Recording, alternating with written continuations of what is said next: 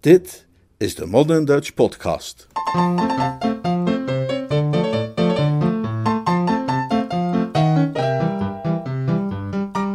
Jeeves is uniek. Een verhaal uit de pseudoroman The Inimitable Jeeves van P.G. Woodhouse, vertaald en voorgelezen door Leonard Beuger.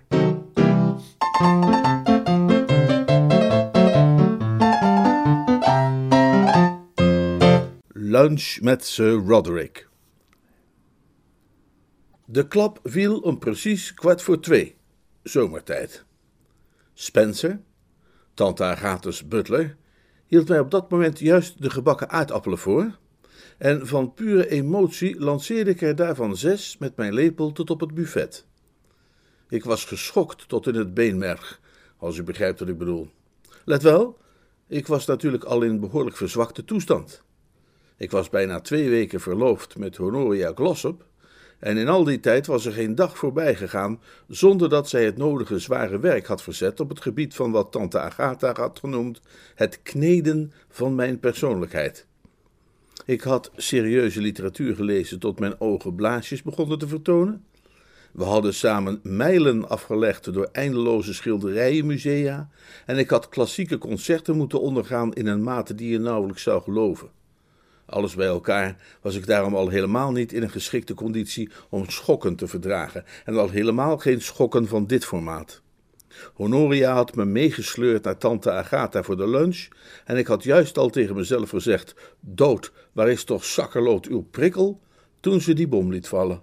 Bertie, zei ze plotseling, alsof die vraag haar zojuist te binnen was geschoten. Hoe heet die kerel van jou ook weer, je bediende? Wat? Oh, uh, Jeeves die heeft volgens mij heel slechte invloed op jou, zei Honoria.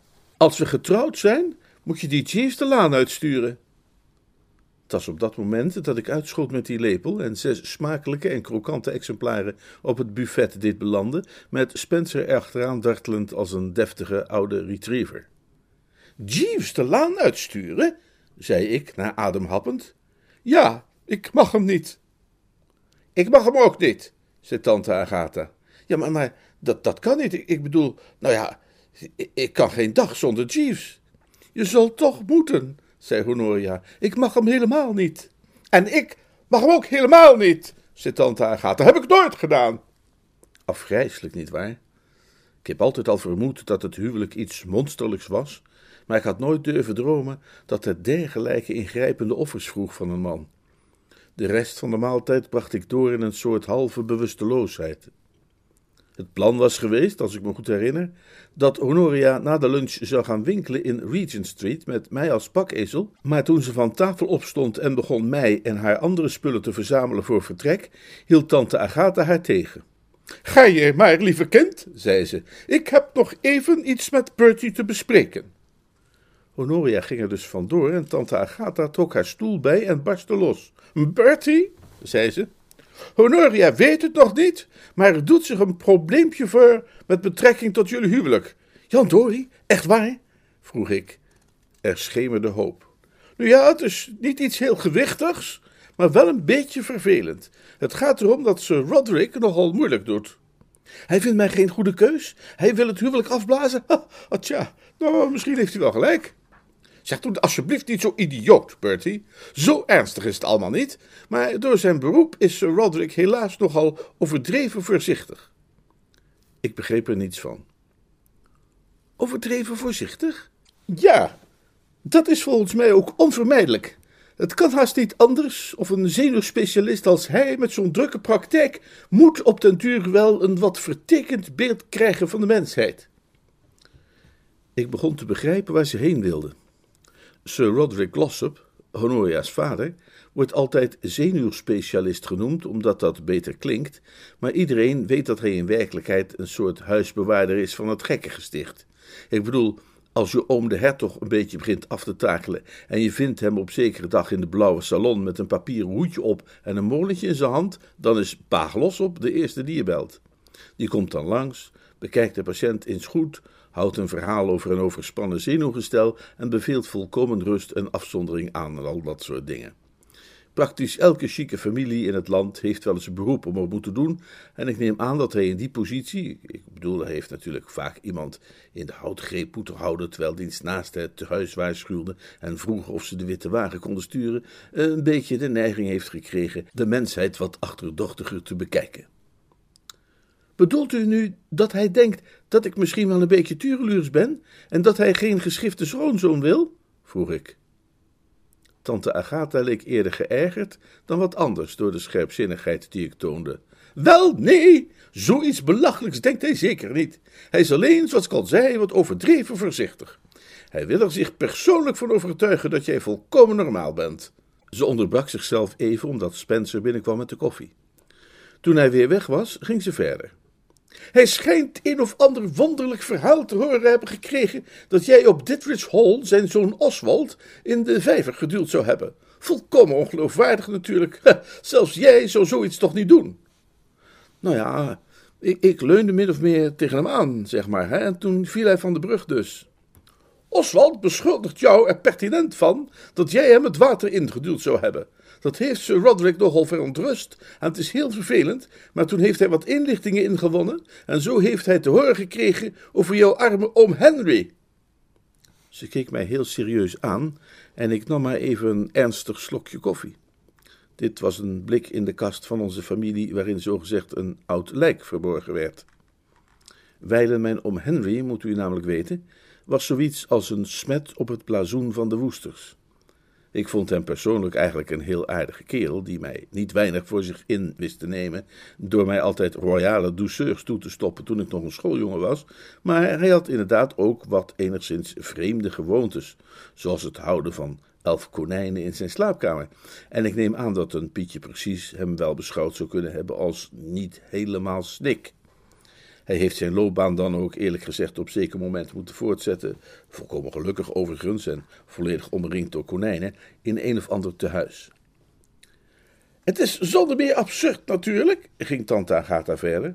Als iemand in de familie de excentriciteit, want meer was het niet, van die arme Henry geërfd zou hebben, dan waren het Claude en Justus wel, en bij de hand jongens dan die twee zijn er eenvoudig niet. Claude en Justus waren tweelingen en hadden als jongens bij mij op school gezeten toen ik zelf in mijn laatste trimester was. Als ik daaraan terugdacht, leek me dat bij de hand wel het goede woord uh, om die twee te beschrijven. Voor zover ik me herinner, had ik zowat dat hele trimester eraan besteed ze uit een eindeloze reeks ruzies en vechtpartijen te redden. Eh, ze doen het reuze goed in Oxford. Hè? Je tante Emily heeft nog maar een paar dagen geleden een brief gekregen van Claude, waarin hij schreef dat hij hoopte dat ze allebei zouden worden toegelaten tot een belangrijke studentenclub die De Zoekers heet. De Zoekers? Ik kon me geen club herinneren van die naam uit de tijd dat ik in Oxford studeerde. Wat zoeken die dan? Uh, dat schreef Claude er niet bij. Kennis, zou ik denken, hè? of de waarheid. Is kennelijk een club waarvan het lidmaatschap heel begerenswaardig is, want Claude vermeldde dat Lord Rainsby, de zoon van de graaf van Datchet, een van de andere kandidaatleden is. Maar goed, we dwalen af. We hadden het erover dat Sir Roderick een rustig gesprekje met jou zou willen hebben, onder vier ogen. En ik vertrouw erop, Bertie, dat jij je, ja, ik zal niet zeggen intelligent, maar dan toch in elk geval redelijk zult gedragen. Hè? Ga niet zenuwachtig zitten giechelen en probeer die afschuwelijke glazige blik uit je ogen te houden. En niet gapen en niet friemelen.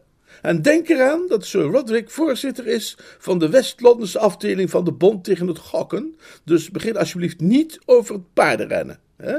Hij komt morgen bij jou lunchen op je flat om half twee. Denk er alsjeblieft aan dat hij geen wijn drinkt, dat hij een fel tegenstander is van het roken en alleen de eenvoudigste gerechten kan eten vanwege zijn zwakke spijsvertering. En biedt hem vooral geen koffie aan, want dat beschouwt hij als de oorzaak van de helft van alle zenuwziekten in de wereld. Nou, me dunkt dat ik hem dan maar het beste een hondenkoekje en een glas water voor kan zetten, niet? Bertie! Oké, nou oké, dat was maar een grapje.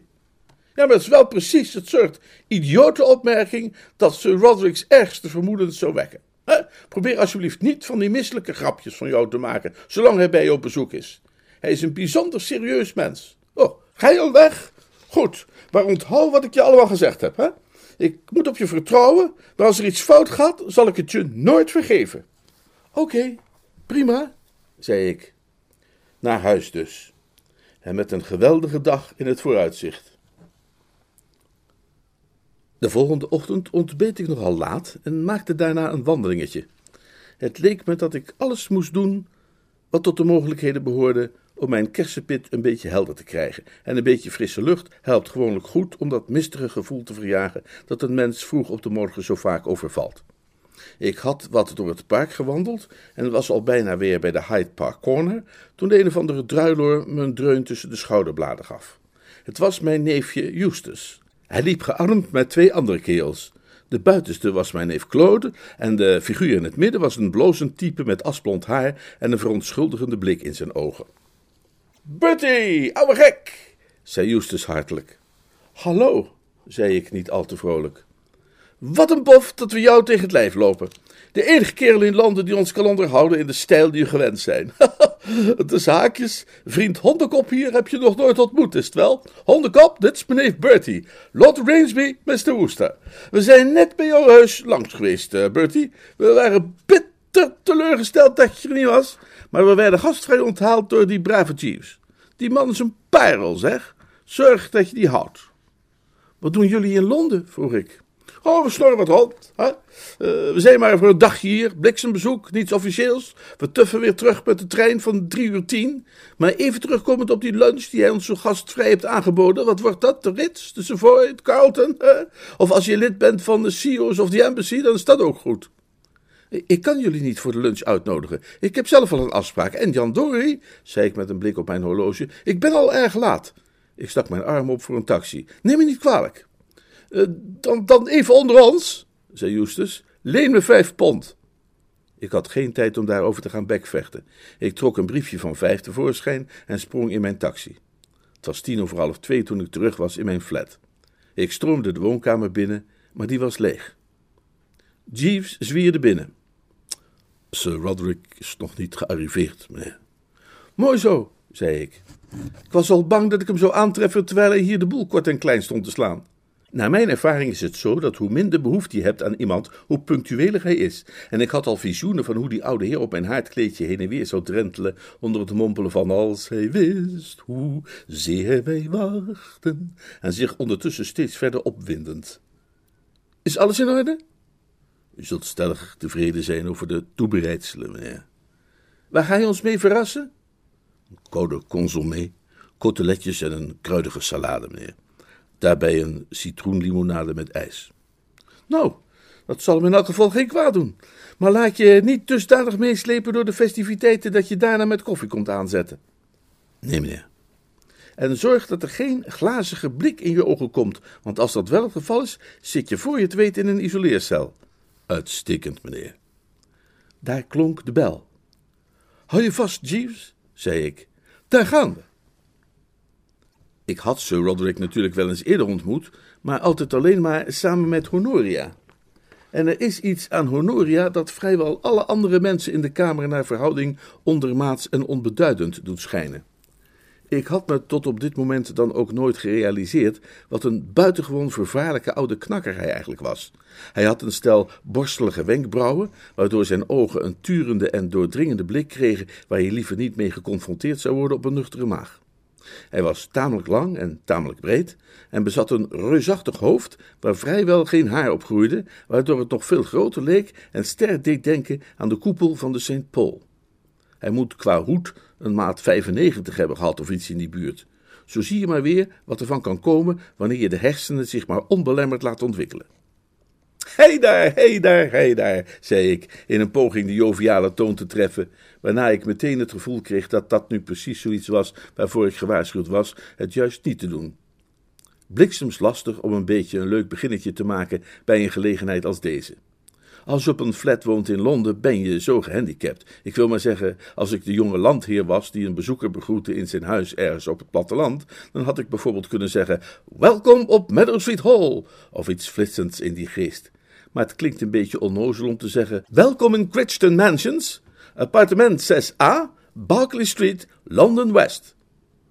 Ka, fris stak wat aan de late kant, man, zei hij terwijl we gingen zitten. Had even opgehouden op mijn klap door Lord Alistair Hungerford, de zoon van de hertog van Ramfurlen. Hij vertelde me dat zijn genade een heropleving vertoonde van de symptomen die de familie ook al eerder zoveel zorg hebben gebaard.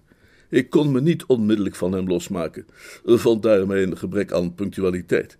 Ik hoop niet dat ik u daarmee heb ontriefd. Oh nee, volstrekt niet.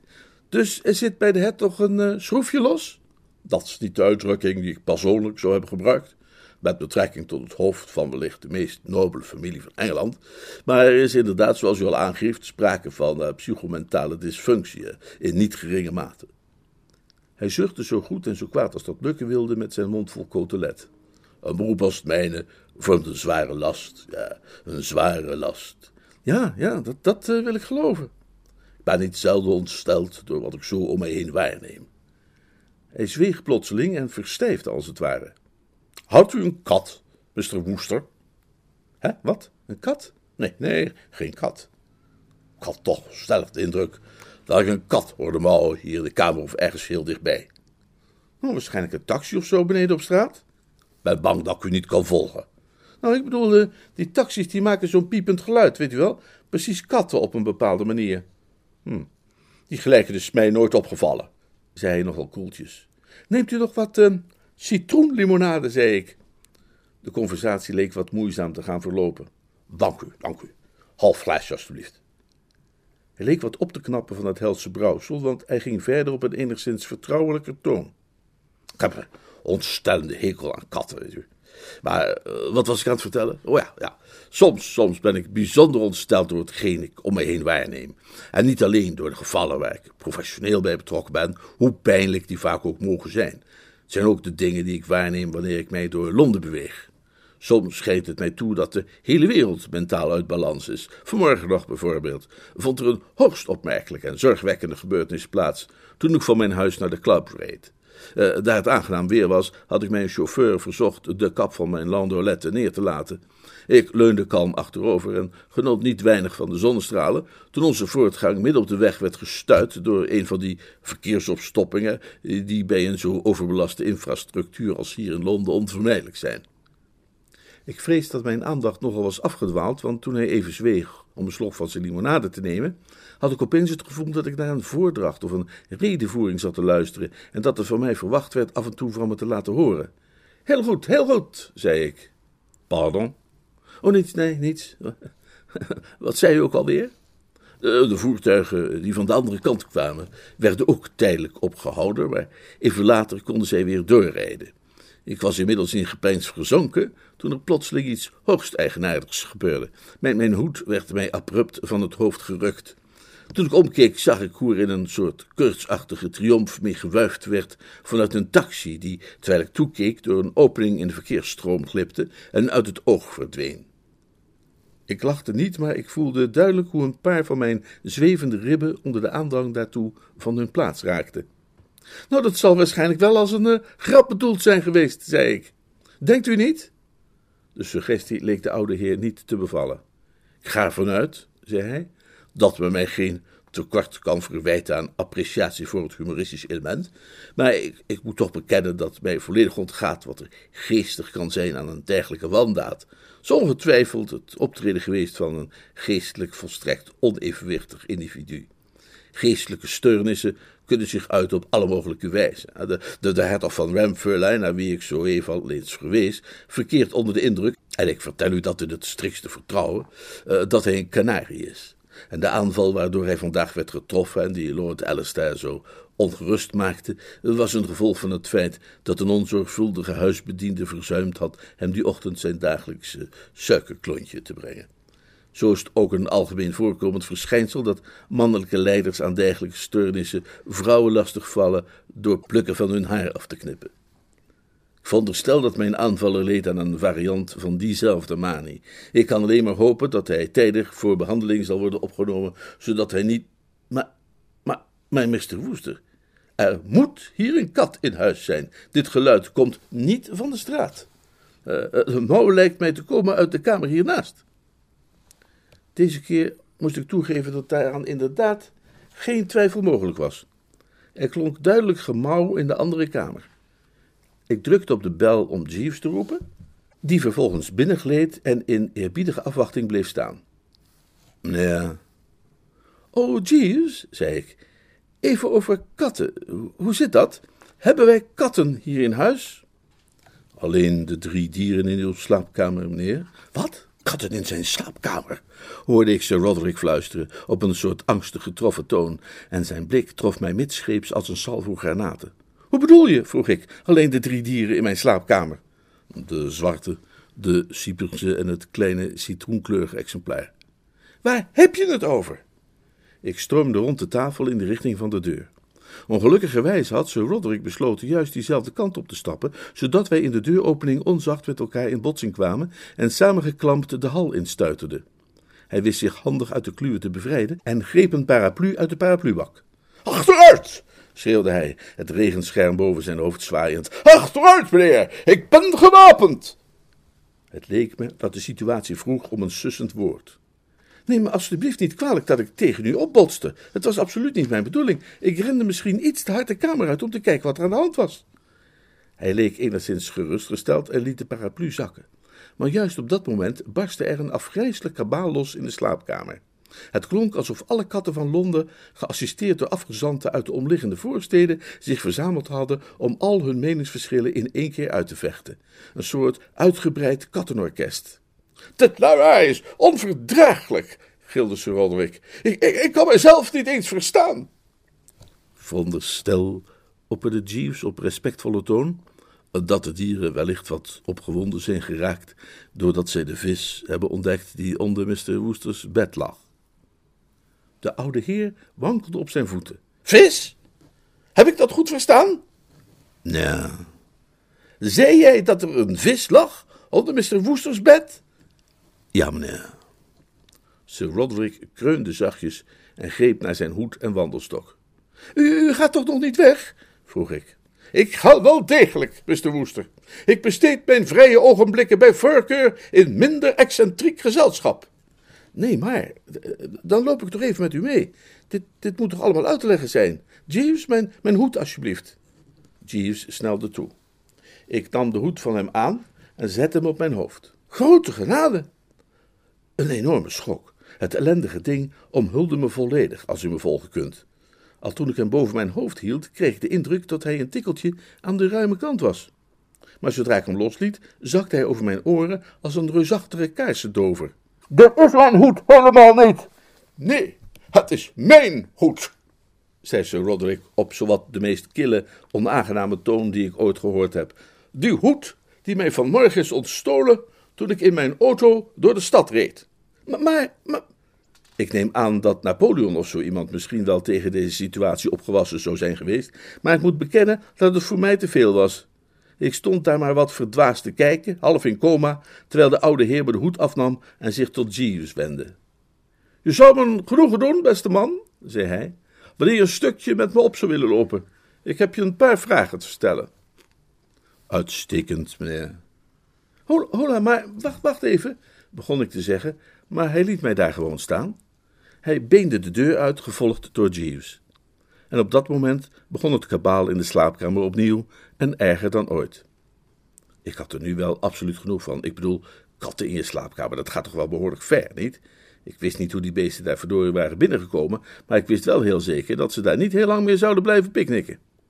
Ik gooide de deur open. Heel even was er sprake van een werveling van zo'n 115 katten in alle mogelijke vormen en kleuren in het midden van de kamer, maar meteen daarna schoten ze allemaal in een flits langs me heen en door de voordeur naar buiten en alles wat er van die massascène resteerde was de kop van een enorme vis die vanaf het tapijt naar me omhoog staarde met starre en veel eisende blik alsof hij een geschreven verklaring en officiële verontschuldiging eiste.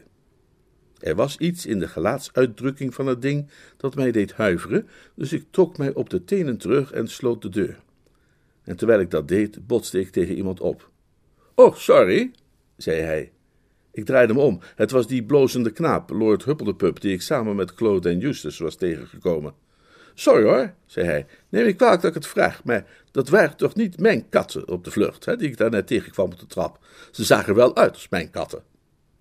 Die beesten kwamen uit mijn slaapkamer. Ja, dan waren het inderdaad mijn katten, zei hij bedoeld. Oh, verdurie. Had jij die katten in mijn slaapkamer opgesloten? Ja, je bediende, hoe heet hij, heeft dat gedaan. Hij bood allervriendelijkst aan om ze hier te houden tot mijn trein ging. Ik kwam nu even langs om ze te halen. Maar ze zijn nu dus weg. Nou ja, niks aan te doen, vrees ik. Dan neem ik alleen die hoed en die vis maar mee. Ik begon een hekel aan die figuur te krijgen. Had jij die verdomde vis daar ook neergelegd? Nee, nee, de vis was van Justus.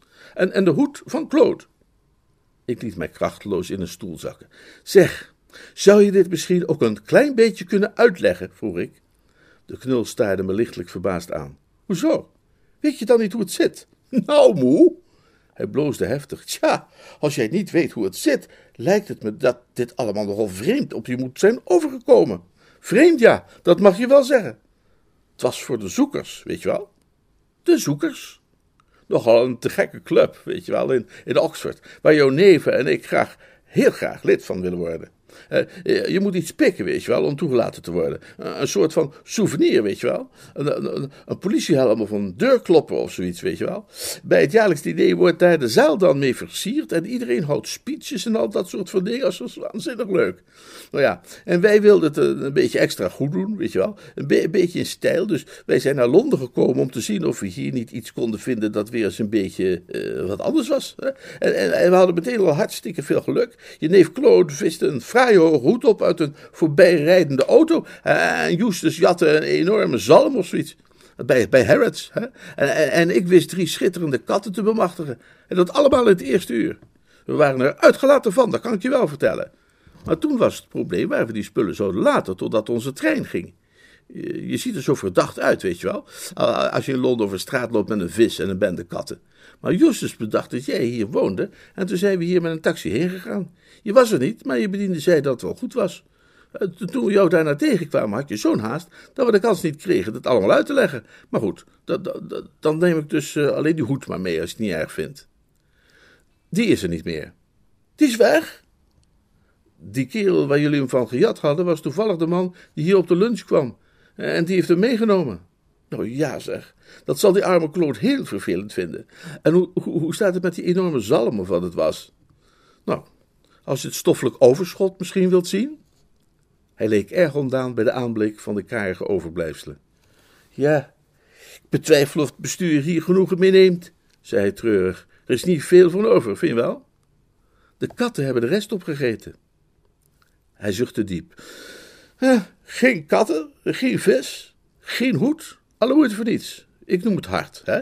En daarbovenop, eh, zeg, zeg, ik vind het heel vervelend om te moeten vragen, maar eh, zou, zou je me misschien tien pond kunnen lenen? Tien pond? Waarvoor? Nou ja, het zit zo. Ik moet nu eerst even borg gaan betalen voor Claude en Justus. Ze zitten in de cel. In de cel? Ja. Door alle opwinding over het kapen van die hoed en die zalm of wat is. En daarbij opgeteld het feit dat we nogal feestelijk geluncht hadden. Dan waren ze nogal een beetje overmoedig geworden, hè, die arme jongens. En ze probeerden een vrachtwagen te stelen. Ja, stom natuurlijk, want ik zie niet in hoe we dat ding naar Oxford hadden kunnen krijgen om aan het bestuur te laten zien. Maar goed, er viel niet met ze te praten. En toen de chauffeur moeilijk begon te doen, ontstond er wat herrie. En Claude en Justus zitten nu min of meer rijkhalsend uit te kijken in het politiebureau aan de Fine Street, tot ik borg voor ze betaal. Dus als je een tientje hebt, ah, dankjewel. Nou, dat, dat is ontzettend aardig van je. Het zou wel een beetje te erg zijn geweest om ze daar te moeten laten zitten, vind je niet? Ik bedoel, het zulke ontzettend goede kerels, weet je wel. Iedereen is enorm op zich gesteld op de Unie. Ze zijn reuze populair. Ja, zei ik. Dat wil ik geloven. Toen Jeeves terugkwam, stond ik al op de mat om hem op te wachten. Ik wilde dat heerschap heel graag even spreken. En? vroeg ik. Sir Roderick stelde mij een aantal vragen, meneer, met betrekking tot uw levensstijl en gewoonten. Ik heb terughoudend op die vragen geantwoord. Ja, dat, kan me niet schelen. Wat, wat ik wil weten is waarom je hem dat allemaal niet van tevoren hebt uitgelegd. Als jij je mond had opengedaan, was er niets aan de hand geweest. Inderdaad, meneer. Maar nu denkt hij dat ik zo gek ben als een deur. Op basis van mijn conversatie met hem zou het me niet verbazen wanneer een dergelijke mening bij hem heeft postgevat. Ik wilde juist iets gaan zeggen toen de telefoon ging. Jeeves nam hem op. Nee, mevrouw, is de woesters niet thuis? Nee, mevrouw, ik weet niet wanneer hij terugkeert. Nee, mevrouw, hij heeft geen bericht achtergelaten. Ja, mevrouw, dat, dat zal ik hem mededelen. Hij legde de hoorn weer op de haak. Dat was Mrs. Gregson, ja. Tante Agatha. Dat had ik al verwacht. Meteen sinds het misging met die lunch had haar schaduw al boven mij gehangen, zo gezegd. Weet zij ervan? Nu al? Veronderstel dat Sir Roderick haar middels de telefoon heeft gesproken, meneer, en... Geen huwelijksklokken dus voor mij? Jeeves kuchte. Mrs. Gregson heeft mij niet in haar vertrouwen genomen, meneer, maar ik neem aan dat iets dergelijks haar is voorgehouden. Zij klonk bepaald zeer opgewonden, meneer. Het is raar natuurlijk, maar ik had mij dermate gekweld gevoeld door die oude heer en de katten en de vis en de hoed en de blozende lord, hoe heet hij, dat de zonnige kant van de zaak me tot op dit moment eenvoudig ontgaan was. Grote genade. Het was alsof me een molensteen van de borst afrolde. Ik gaf een kreet van pure opluchting. Jeeves, zei ik, volgens mij heb jij die hele zaak georchestreerd. Nee. Ik, ik heb het idee dat jij die hele situatie van het begin af aan hebt geregeld. Tja, nee. Uh, Spencer, de butler van Mrs. Gregson, die per ongeluk iets had meegekregen van uw conversatie toen u al daar de lunch gebruikte, heeft enkele details daaruit met mij gecommuniceerd.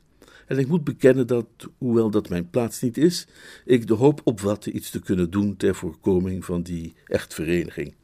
Ik betwijfel of de jonge dame wel een geschikte partner voor u zou vormen.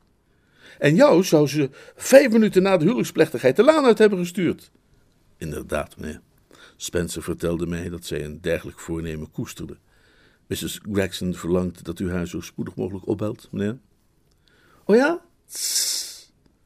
Wat zou jij adviseren, Jeeves? Een buitenlandse reis zou wellicht heel plezierig kunnen zijn, meneer. Ik schudde mijn hoofd. Nou, dan, dan ze me gewoon achterna. Niet wanneer u ver genoeg reist, meneer. Er vertrekken iedere woensdag en zaterdag voortreffelijke lijnboten naar New York. Jeeves, zei ik, je hebt zoals altijd gelijk. Boek de kaartjes.